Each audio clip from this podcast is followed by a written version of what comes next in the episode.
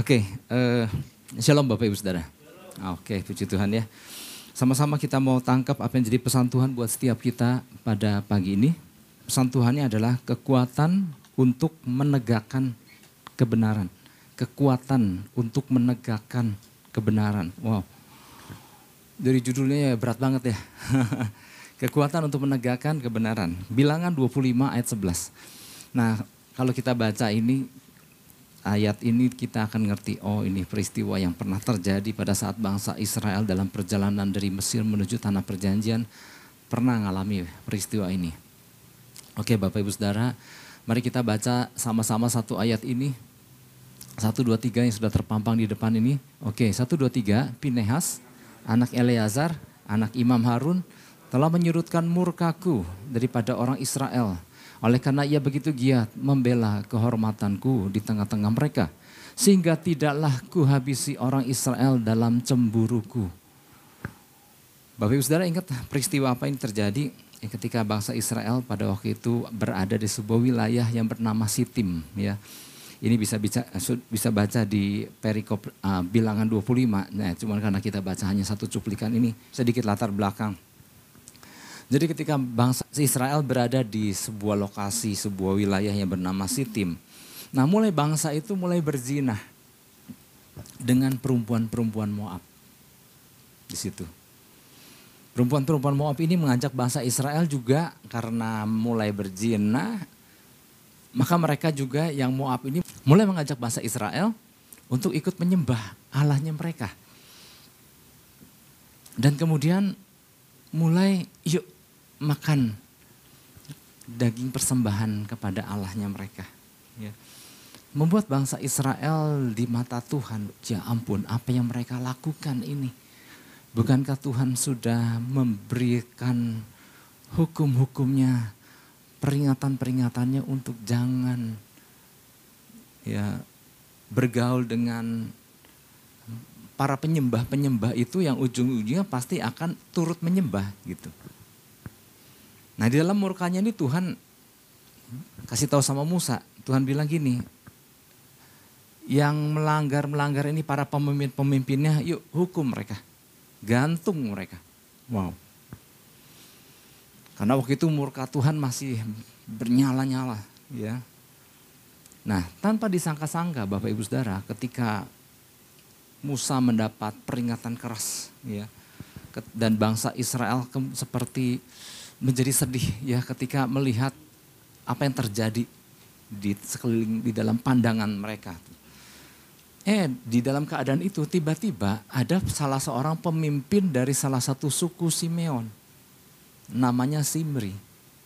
Eh dia lagi nenteng perempuan dari Midian. Jadi di saat lagi disadarkan ada peringatan keras dari Tuhan, eh ini ada orang yang baru ngelanggar jalan di tengah-tengah mereka. Dan ini kan membuat, ya ampun ini orang nggak nggak denger apa gitu ya, kurang lebih gitu. Nah tiba-tiba ada satu pria yang bernama Pinehas. Tadi dikatakan Pinehas itu anak Eleazar. Ini beda sama Eleazar yang yang minggu lalu ya. Ini Eleazar anak Imam Harun. Dia mengambil sebuah tindakan.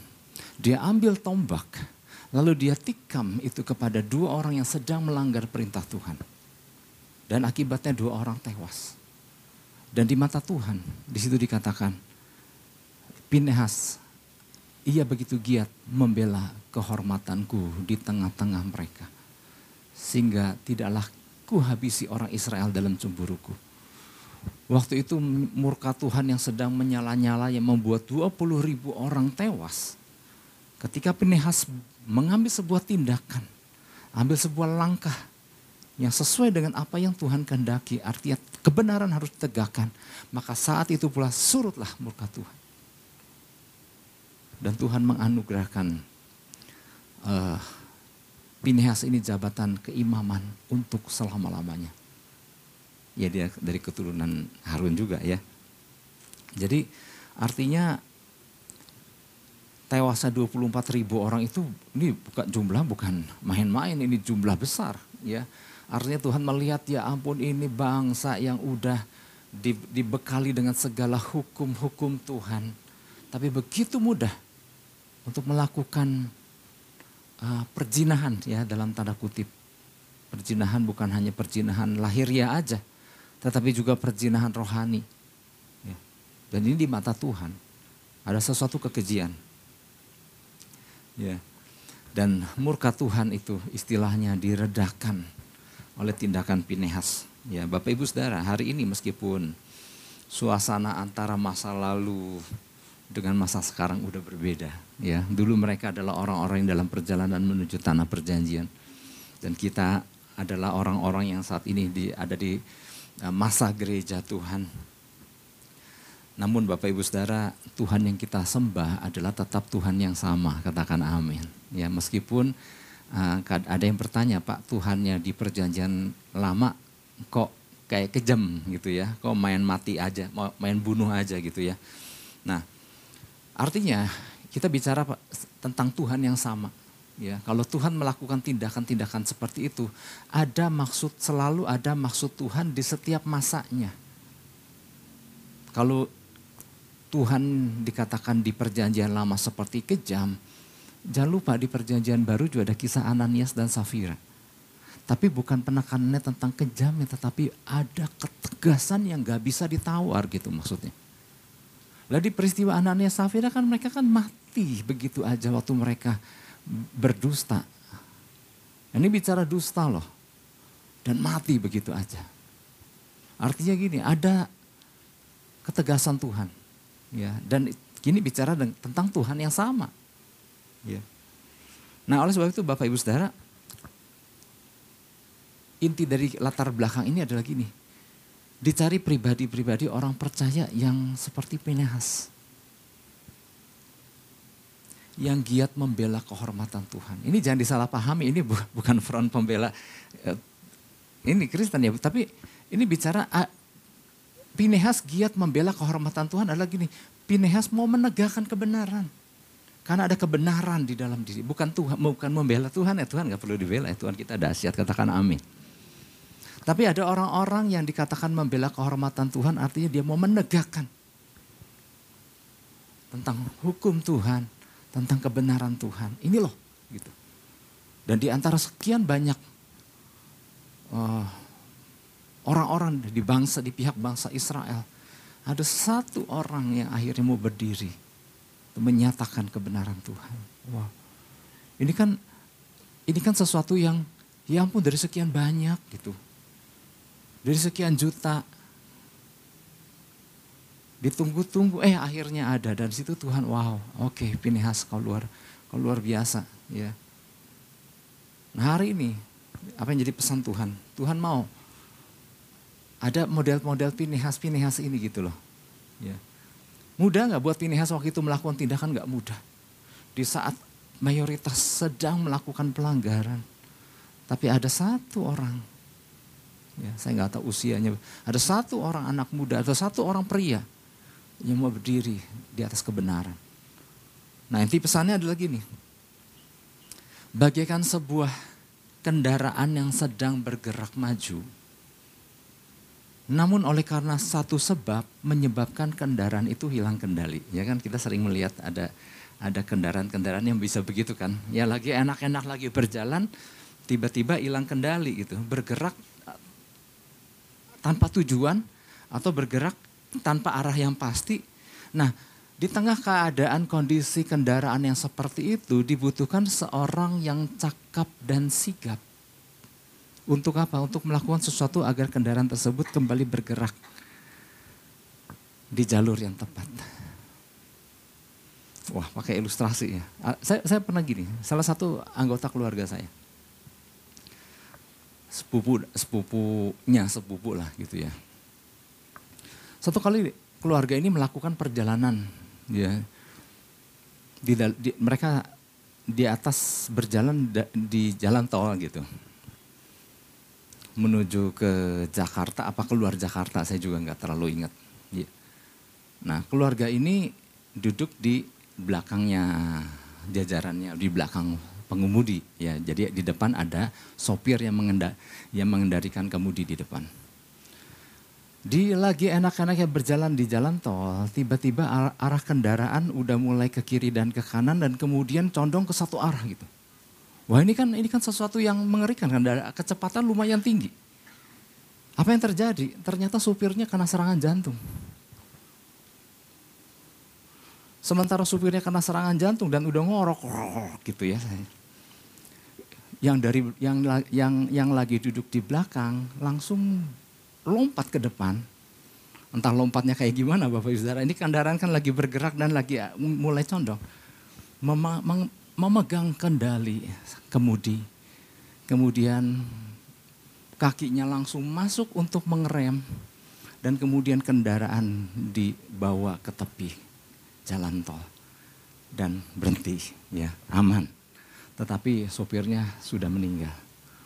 Nah apa yang terjadi? Sopirnya dipindahkan dulu, dan dia yang penggang kemudi, mengambil alih kemudi dan dibawa ke rumah sakit. Intinya adalah gini maksudnya. Ketika di dalam keadaan kendaraan lagi tidak menentu arah, ada satu orang yang dengan sigap mengambil alih ke kemudi. Nah mulai nangkap ya, ini, ini inti, inti pesannya adalah gini. Seperti sama seperti yang terjadi pada keadaan bangsa Israel pada waktu itu di Sitim. Ketika banyak orang-orang telah melakukan apa yang mereka pandang benar sendiri, ah berzina, ah, ah ngapain ah, ah menyembah Allah lain dan lain-lain. Dan di situ membuat Tuhan kan waktu itu marah. Tapi ada satu orang yang mau berdiri tegak di atas kebenaran Nah ini loh Bapak Ibu Saudara ya. Jadi dibutuhkan orang-orang percaya yang bertindak seperti Pinehas. Yang cepat menyadari. Nah ada satu kata yang boleh digarisbawahi. Ada seorang yang bernama Pinehas yang cepat menyadari. Nah ini kata salah satu kata kunci, cepat menyadari bahwa ada sesuatu yang terjadi yang tidak selaras dengan kebenaran firman Tuhan, lalu bersegera untuk melakukan suatu tindakan untuk menegakkannya kembali. Nggak peduli apa yang dikatakan orang yang ada di sekeliling dia. Nggak peduli apakah mayoritas sedang melakukan hal yang berbeda. Tapi ada orang yang cepat menyadari, eh ini nggak boleh dibiarkan begini nih. Ini harus ditegakkan. Kebenaran harus melandasi. Apa yang terjadi ya harus kembali dibalik, uh, di, dikembalikan kepada kebenaran. Nah ini yang dikatakan cepat menyadari. Apa yang dimaksud cepat menyadari? Ya, Orang percaya yang tahu kebenaran adalah keharusan, katakan amin. Orang percaya yang tahu kebenaran memang harus. Ya Tuhan kita adalah Tuhan kebenaran. Ya. Jehovah Sitkanu, dialah kebenaran kita. Dialah kebenaranku. Jadi orang percaya tahu kebenaran memang harus dan itu baik, bukan baik, dan memang harus. Ya, karena kita harus berjalan dalam kebenarannya Tuhan. Tapi menjadi orang percaya yang dikatakan cepat menyadari, apabila terjadi sesuatu yang tidak selaras dengan kebenaran, ini hal yang lain lagi. Ternyata gini. Tahu kebenaran adalah sesuatu yang baik. Tahu kebenaran itu bisa dipelajari. Tapi bicara cepat menyadari, ini nggak ada sekolahnya. Cepat menyadari adalah tentang kepekaan dan ketajaman. Tahu kebenaran itu satu hal. Tapi bicara cepat menyadari itu lain hal. Ini lagi bicara tentang kepekaan dan ketajaman. Dan ini nggak bisa dipelajari. Ini diperoleh dari hasil berjalan hari lepas hari bersama Tuhan. Berjalan dengan Tuhan itu artinya mau mendisiplinkan diri kita untuk berjalan dalam relnya Tuhan. Bukan relnya kita. Dan relnya Tuhan itu berbeda dengan apa yang kita mau relnya Tuhan itu beda dengan kita punya daging. Jadi untuk seseorang bisa berjalan dengan relnya Tuhan, dia harus mendisiplinkan dirinya. Oke Tuhan, engkau kebenaranku, aku mau berjalan bersama engkau. Nah maka segala yang yang gak enak-enak waktu berjalan bersama Tuhan nih, daging kan pengennya kan berlawanan kan. Nah kita mendisiplinkan itu si daging, yuk berjalan sama Tuhan. Maka firman Tuhan bilang lagi lagi jiwa nggak mau memuji, eh pujilah Tuhan hai jiwaku. Misalnya. Lagi si daging nggak mau melakukan kebenaran, ya daging ikut lakukan kebenaran. Nah waktu kita membiasakan berjalan bersama Tuhan, kita sedang melatih hari lepas hari. Sehingga ketika ada sesuatu yang keluar dari rel, kita tahu, ah cepat menyadari. Ini nggak ada sekolahnya ini. Ya. Ketika kita memutuskan untuk mengajar diri kita untuk tunduk pada maunya Tuhan dan tentunya pasti terbuka untuk tuntunan Roh Kudus, ya kita bersyukur Roh Kudus diberikan untuk tolong kita, maka ketajaman itu mulai terbangun. Ketika keluar dari trek maka kita segera menyadari dan punya kekuatan untuk mengarahkan kemudi kembali kepada jalur yang tepat. Nah ini yang perlu dimiliki oleh setiap kita, saya Bapak Ibu dan Saudara tahu kebenaran, setiap orang percaya dia bilang, aku tahu kebenaran. Tapi bicara soal cepat menyadari apabila keluar dari kebenaran. Nah ini gak semua orang percaya ngerti. Aku pikir aku lagi bikin ke, melakukan sesuatu yang benar kok. Gitu. Jadi waktu waktu si orang percaya yang tahu kebenaran dan ketika sedang melakukan ketidakbenaran. Nah ini yang gak, gak banyak yang tahu. Eh ini salah loh. Eh, gitu. Cepat menyadari. Nah memang ada beberapa jenis atau tipe orang percaya ya ketika mengiring Tuhan ya ada beberapa tipe. Minimal tiga tipe, minimal tiga tipe. Saya nggak tahu kita masing-masing setiap kita ada di tipe yang mana ya. Ada tipe yang pertama. Tadi karena contohnya ilustrasinya adalah tentang kendaraan. Maka mungkin saya pikir kalau pakai uh, tiga tiga tipe ini di, dimasukkan ke dalam padanan kendaraan mungkin mungkin ya bisa lebih lebih lebih mudah kita memahaminya. Oke, yang pertama tipe yang pertama adalah orang yang percaya, percaya punya kecenderungan yang punya kecenderungan disadari atau nggak disadari ini punya kecenderungan untuk berjalan mengikuti kehendaknya sendiri ya atau atau memiliki kecenderungan untuk tempuh jalan mudah. Pak emang salah jalan mudah nanti saya jelaskan ya. Jadi ada iklan, ini untuk menjelaskan aja. Ada iklan yang mengatakan kalau bisa cepat mengapa harus susah-susah menempuh jalan yang sulit. Ya. Ingat cepat itu nggak selalu, cepat itu bisa benar, tapi cepat itu nggak selalu benar. Ya, jadi bukan soal cepatnya. Ya. Kita kan dulu pernah belajar kan. Kalau untuk cuman ngejar hasil akhir di kelas, orang bisa nyontek. Hasilnya bagus. Tapi apa Tuhan cuma pengen tahu bahwa kita dapat 9 atau 10? Enggak kan? Tuhan pengen tahu cara kita untuk mendapatkan nilainya itu pakai cara apa? Ada cara mudah kan nyontek. Tapi juga ada cara belajar. Tapi dapatnya tujuh. Nah Tuhan nggak lihat di rapotnya sembilan itu Tuhan lihat cara engkau mendapatkannya gimana gitu. Ya, itu itu menjelaskan yang tadi ya. Sekiranya ada timbul tandanya memang memang salah gitu ya. Nah, oke. Okay. Nah, tipe orang percaya yang seperti ini seperti kendaraan roda empat. Yang salah satu ban depannya kempes. Atau ro rodanya salah satu rodanya atau dua perlu dilakukan spuring. Ya. Karena narik ke samping melulu. Ya, Bapak Ibu Saudara yang pakai kendaraan roda empat kalau itu setirnya narik melulu ya perlu salah satunya dicek, perlu dispuring juga, di, diberikan alignment, ya, dilakukan alignment. Jadi kendaraan yang salah satu bannya kempes atau perlu dilakukan alignment itu nggak bisa dilepas setirnya. Ngerti ya para bapak-bapak, ibu-ibu juga pasti ngerti lah. Itu kalau dilepas setirnya, itu condongnya selalu miring gitu. Jadi ada orang percaya yang punya kecenderungan pengen miring dulu gitu. Atau kalau lagi main layangan, enggak lah saya nggak jelaskan main layangan, entah jadi panjang. Ada yang jalannya kalau setirnya dilepas cenderung si kendaraan itu maunya ke arah nyamping melulu, miring melulu gitu. Apakah orang ini di tipe yang pertama ini tahu kebenaran? Bisa aja tahu kebenaran. Tapi bicara soal berjalan, kadang-kadang ingin nyimpang melulu. Ada ini ada tipe orang percaya begini. Kalau bisa langgar kenapa enggak bisa? Kenapa enggak lakukan? Kan lebih cepat. Itu tipe yang pertama.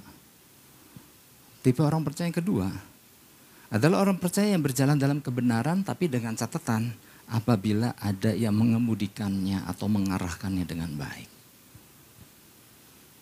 Orang percaya berjalan dalam kebenaran dengan catatan apabila ada yang mengemudikannya dengan baik atau mengarahkannya dengan baik. Artinya orang yang orang percaya tipe ini adalah orang percaya yang perlu diarahkan terus. Perlu ada orang yang membimbingnya terus. Nggak salah dengan itu, ya. Penggembalaan adalah tentang mengarahkan, tentang menuntun, tentang membimbing. Ya, perlu ada orang yang bisa memperingatkannya terus. Nah, orang seperti ini memang baiknya perlu ada dalam lingkungan yang terus menempa dirinya dengan kebenaran. Tapi juga harus ada hasilnya dong, ya. Masa terus-terusan harus ada yang bimbing. Masa harus terus ada yang memperingatkan, eh jangan gitu dong, itu kan salah, ya. Memang ada ada ada fase-fasenya di mana di awal-awal perlu diarahkan terus tapi ada fase di mana ya kalau dilepas ya udah kayak ngajarin anak main sepeda lah, ya. Ada fase di mana kan kita harus tuntun terus kan. Nanti ada fase di mana kita udah bisa lepas karena dia udah bisa jalan lurus. Udah bisa gowe sendiri. Ya kan. Nah tetapi ada tipe orang percaya di yang kedua ini adalah yang terus menerus harus diarahkan. Karena kalau nggak diarahkan, ya jangan-jangan punya kecenderungan pengen yang mudahnya.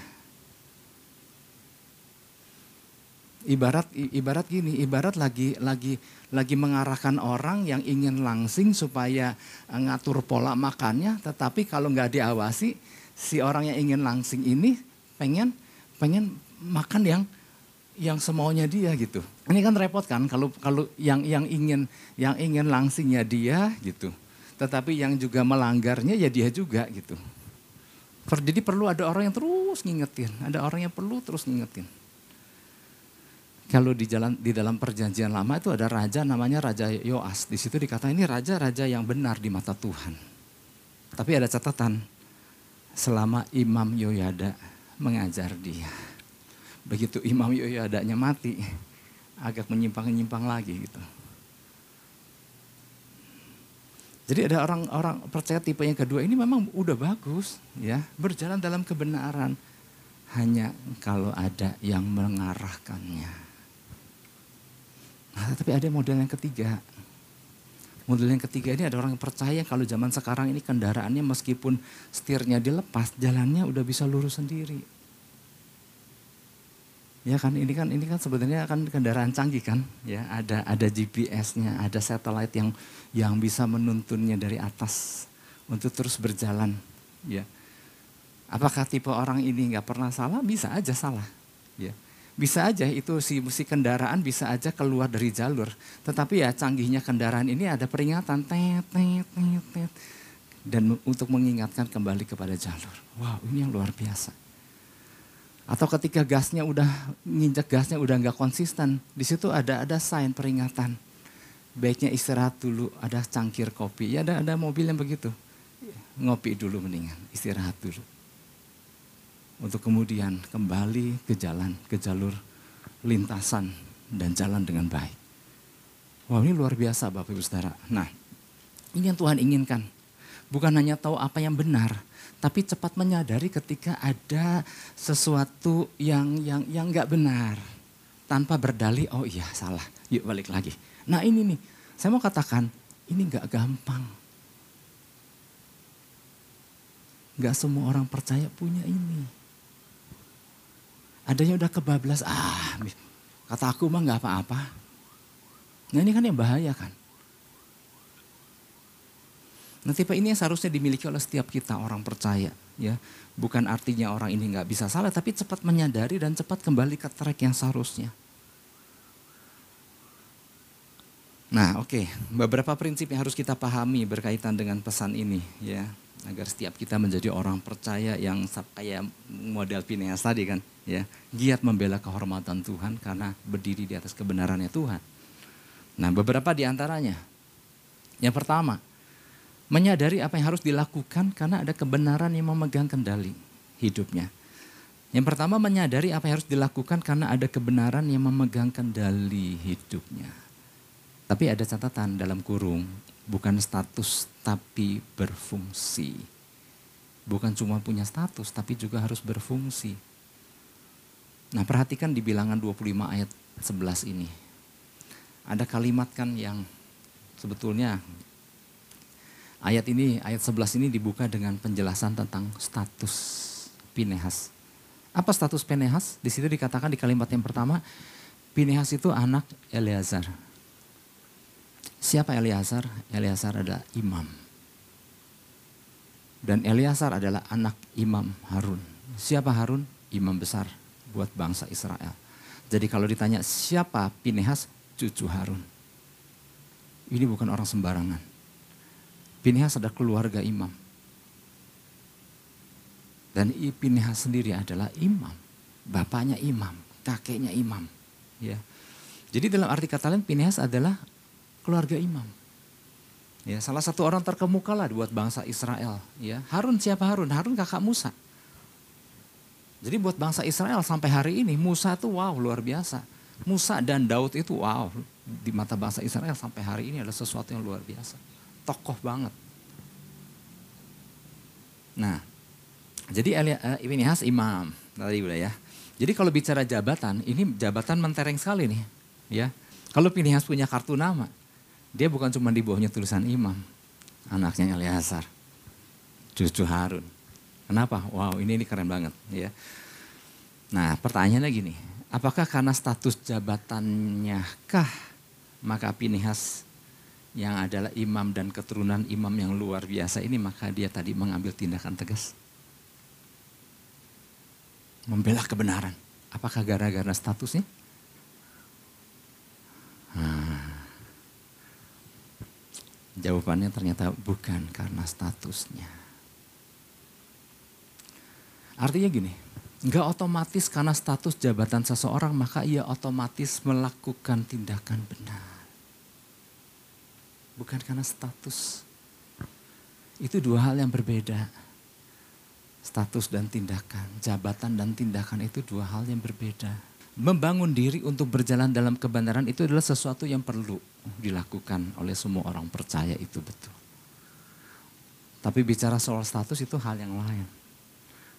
Tapi kan punya status pak, ya. Nah status itu seharusnya membantu orang itu untuk berperilaku sesuai dengan statusnya. Dulu saya ingat sekali deh, dulu dulu saya waktu awal-awal ikut Tuhan, saya kan jadi asyir. Tiba-tiba sama gembala dinaikkan saya jadi majelis. Dulu pakai masih pakai istilah majelis. Saya bilang saya tahu diri, Bu, enggak. Saya tahu banget, saya belum bisa lah, saya bilang gitu. Tapi Tuhan suruh, wah udah pakai Tuhan suruh, waduh entah kalau nolak jadi salah sama Tuhan. Tetapi dengan jabatan yang berat ini, saya jadi memacu diri saya gitu. Ada orang kan yang puas dengan jabatannya, tetapi ada orang yang, waduh ini jabatan gak main-main nih. Gue pengerja nih. Udah diangkat menjadi majelis. Wah ini gak bisa sembarangan. Oke kembali ke ada Pinehas. Tadi jadi melototin saya. Oke, tadi sampai mana ya? Jadi berjalan dalam kebenaran adalah sesuatu yang penting, bagus, memang harus ya. Tetapi ja, kalau kalau bilang jabatan maka seolah-olah maka otomatis orang bisa melakukan kebenaran bukan. Karena jabatanlah seharusnya memacu diri itu, ya. Pria yang nikah otomatis menyandang jabatan imam loh. Apakah otomatis jadi bisa berfungsi sebagai imam? Waduh, ibu-ibu cepat banget jawabnya. Ngerti kan? Ngerti maksud saya kan? Ya. Jadi begitu nikah otomatis kamu kan imam di dalam keluarga gitu. Nah, aku imam. Aku imam, jangan main-main aku imam. Betul, dia imam. Tapi bicara berfungsi enggak? Ternyata kan enggak semua. Harus yuk kita gitu. Harus ya ambil ambil tindakan untuk bisa berfungsi sebagai imam gitu. Oke, jadi ke rumah tangga ya nggak apa-apa ya. Oke lanjut ya. Nah, apakah Pinehas ini berhenti sebagai di status aja? Enggak, ya. Jadi kalau dia cuman pegang status keren-kerenan, belum tentu dia bisa melakukan sebuah tindakan yang heroik tadi, ya kan? Karena gini, Bapak Ibu Saudara, karena bukan status bukan karena status maka otomatis orang bisa melakukan. Ya karena gini Bapak Ibu Saudara, kalau bicara keluarga imam ini Harun punya anak, Eliasar, Eliasar punya ini mereka di, di keluarga imam yang luar biasa ini punya kan sejarah kelam. Jadi gini Bapak Ibu Saudara, Harun itu punya anak kan, bukan Eliasar aja kan. Siapa anak Harun? Anak Harun adalah yang sulung Nadab, kemudian ada Abihu, Eliasa anak ketiga, yang keempat Itamar. Kalau bicara dengar Nadab dan Abihu, kenal kan ada satu peristiwa yang menyedihkan kan terjadi kan. Waktu saat bangsa Israel menaikkan mempersembahkan korban kepada Tuhan kan ada Nadab Abihu yang memasukkan api asing. Cuma saya nggak mau bahas terlalu panjang. Ada ada Nadab dan Abihu yang adalah anak langsung Imam Harun, imam besar, yang masukkan api asing dan Tuhan murka dan mereka mati seketika. Jadi kalau bicara status, ada status-status di dalam keluarga besar Harun ini yang yang karena cuma status saja tapi nggak ngerti kebenaran. Mati di mata Tuhan, di hadapan Tuhan seketika. Oke, jangankan anak Harun, Harun juga kan punya punya punya peristiwa yang agak-agak nggak bagus juga kan? Waktu bangsa Israel, waktu bangsa Israel, ya dalam perjalanan menuju per, uh, tanah perjanjian kan Musa kan sering di, dipanggil Tuhan naik ke gunung kan. Bicara 40 hari 40 malam. Suatu kali ketika Musa dipanggil naik ke gunung Sinai. Di, di mana di situ Tuhan menyampaikan banyak hal. Apa yang harus dilakukan Musa atas apa yang Tuhan uh, singkapkan di puncak gunung. Salah satunya Musa waktu turun kan membawa dua loh batu hukum Tuhan. Yang dikatakan Alkitab ditulis oleh jari Tuhan. Wow ini luar biasa. Tapi kan cukup lama Musa di atas. Nah bangsa Israel yang menunggu mana Musa, mana Musa kan akhirnya datang sama Harun. Harun mana Musa? Aku nggak tahu, kata Harun, aku nggak tahu. Nah bangsa Israel gini, kalau gitu buatkan kami Allah. Ini kan konyol kan? nunggu Musa nggak turun-turun, langsung minta kepada Harun buatkan kami Allah. Ya namanya bangsa Israel yang belum lama keluar dari Mesir kan, mereka perlu sosok Allah yang terlihat. Buatkan kami Allah. Nah yang ngaco siapa sebetulnya kan? Harun kan. Harun bilang ini, tanggalkan anting-anting anting-anting emas kalian. Tanggalkan itu gelang-gelang emas istrimu dan mari kita bikin patung lembu emas. Kan gila ini Bapak Ibu. Lagi didesak oleh banyak bangsa. Orang Israel. Mana Musa, mana Musa. Seharusnya Harun kan mungkin bisa berkata begini, tunggu. Aku memang gak tahu, tapi tunggu. Bukankah Tuhan telah tunjuk dia menjadi pemimpin kita untuk membawa kita ke sampai ke tanah perjanjian. Jadi tunggu. Eh tiba-tiba bilang, yuk tanggalkan anting-anting emas kalian. Jadi ketika di dalam keadaan terdesak, ini kebenarannya mana gitu maksudnya. Ini kan keluarga besar Harun loh. Jadi kalau bicara apakah karena status, maka Pinehas tiba-tiba muncul menegakkan kebenaran, bukan karena status. Karena kalau bicara status, sejarah udah bicara bahwa ternyata gak jamin. Karena apa? Karena ada kebenaran dalam diri Pinehas. Wow, ini loh Bapak Ibu Saudara. Artinya memang gak mudah ketika seorang sedang dalam keadaan terdesak seperti tadi ya. Namun jangan ya jangan tiba-tiba karena terdesak jadi condong uh, karena lihat jumlah masa banyak. Uh, ya udah ikut mayoritas saja deh gitu. Tapi kebenaran itu juga, eh kebenaran lah. Berani nggak menegakkan kebenaran di situ. Nah ini nih yang yang yang perlu yang perlu kita orang-orang percaya miliki ya. Kebalikan dengan Pinehas kan, justru di tengah ketika bangsa Israel sedang melakukan banyak pelanggaran. Pinehas berdiri tegak. Jadi jangan jangan jangan di jangan dipermasalahkan dia lempar tombaknya, tetapi itu, itu kan masa itu kan. Tetapi bagaimana dia berani tampil dengan segala resiko. Ini loh kebenarannya. Apa yang kalian lakukan itu bertentangan dan hukum Tuhan. Nah ini loh yang yang yang yang dibutuhkan. cepat menyadari bahwa oh, ada sesuatu yang nggak beres, harus lakukan sesuatu. Nah ketajaman itu loh. Kadang-kadang kan pelajaran kebenarannya gampang tinggal ngapalin kan, tapi pelajaran cepat menyadarinya ini loh yang yang yang perlu dibangun hari lepas hari. Karena nggak sedikit orang percaya yang berdalih udah nggak apa-apa, ini kok yang aku lakukan benar kok. Nah untuk memperjelas ini mari lihat poin yang kedua. Yang pertama kan gini, menyadari apa yang harus dilakukan ya bukan tentang status tapi fungsi. Yang kedua menyadari pentingnya memiliki standar yang selaras dengan kebenaran Tuhan. Punya standar, menyadari pentingnya memiliki standar yang selaras dengan kebenaran Tuhan. Ayatnya masih sama nih bilangan 25 ayat 11. Ya. Dikatakan oleh karena ia begitu giat membela kehormatanku. Nah kembali bicara tentang imam. Nah kalau bicara tentang imam kan, imam kan jabatan khusus yang Tuhan berikan. Melalui imamlah Tuhan menyampaikan pesannya. Melalui imamlah Tuhan menyatakan perintahnya. Kemudian imam menyampaikan kepada bangsa Israel. Ya.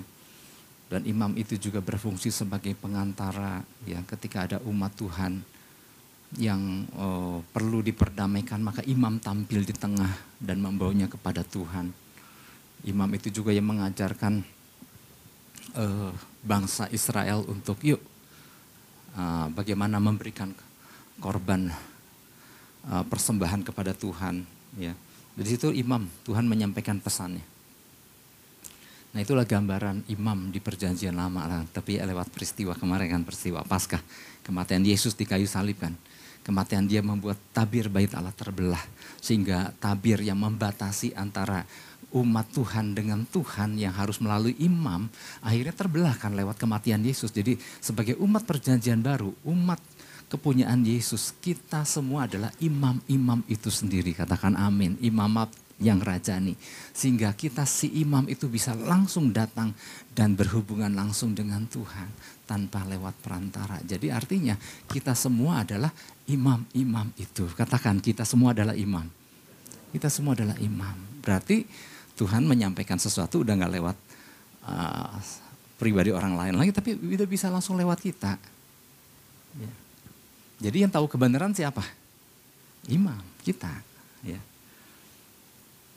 Nah, prinsip yang sama bahwa tugas imam adalah menyampaikan kebenaran ya menjadi pendamai, menjadi perantara ya antara orang berdosa untuk dibawa kepada Tuhan itu tugas kita, tugas para imam. Jadi artinya imam itu ya otomatis harusnya pegang kebenaran, ya.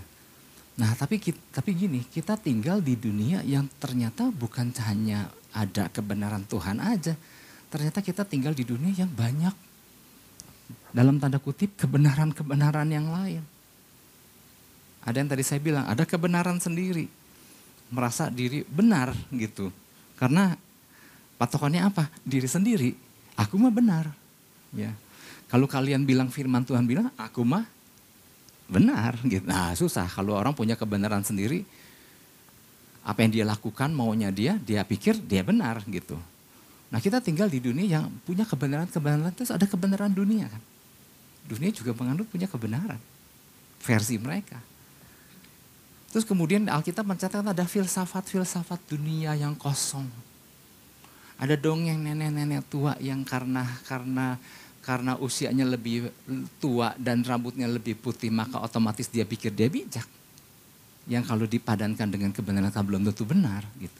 Nah kita tinggal di dunia yang punya beragam dalam tanda kutip kebenaran-kebenaran itu. Nah jangan sampai kita orang percaya semua kebenaran kita adopsi gitu.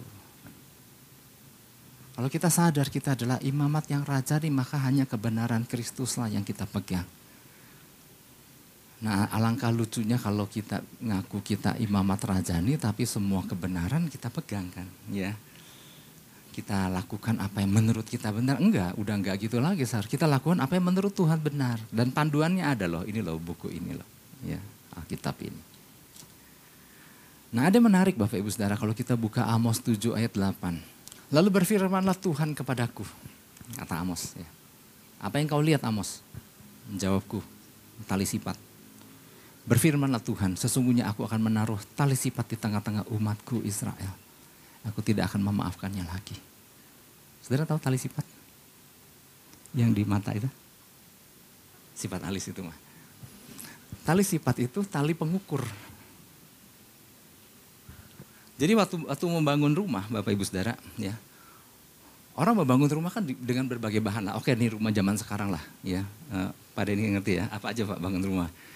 Batu, semen, pasir, uh, segala peralatannya, perkakasnya. Bisa nggak orang membangun sesuatu dengan segala bahan itu bisa. Tapi perkara jadinya miring ke sana miring ke situ dan gak pugu bentuk, nah itu lain urusan. Dibutuhkan tali pengukur. Nah jadi waktu kita membangun kehidupan kita nih, si bait Allah ini nih waktu dibangun perlu tali pengukur yang di sini dikatakan tali sifat. Kita kan punya kayak meteran pengukur ya kan mesti diukur nih dari dari garis ini sama ini supaya rata ya kan mesti diukur. Nah pakai ukuran apa? Pakai tali sifatnya Tuhan. Jadi itu patokannya tali pengukur itu. Maka maka Yesus kan dikatakan dia adalah batu penjuru. Batu penjuru adalah istilah pertukangan buat orang Israel. Jadi sebelum mereka bangun rumah perlu ada batu patokan dulu yang di sudut bangunan. Sebuah sebuah uh, rencana pembangunan itu dibuat batu penjurunya dulu supaya setiap ukuran mengacu kepada si batu penjuru. Nah artinya gini Bapak Ibu Saudara, kalau setiap kita si imamat rajani ini punya tali sifat ini, yaitu tali pengukur yang adalah kebenaran Tuhan, maka semua diukurnya pakai tali itu dunia menawarkan segala macam bentuk kebenaran, tapi kalau kita punya tali sifat ini, tali pengukur ini, maka ini ya yang kita selalu ukurkan.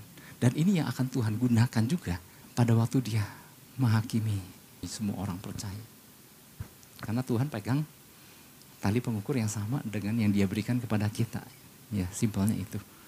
Nah atas dasar pegangan tali pengukur yang Tuhan berikan kepada kita untuk kita pegang dan kita ukur buat diri sendiri dan lain-lain di dalam banyak ke, kegiatan kita, maka apa-apa kita selalu mengukurnya pakai itu.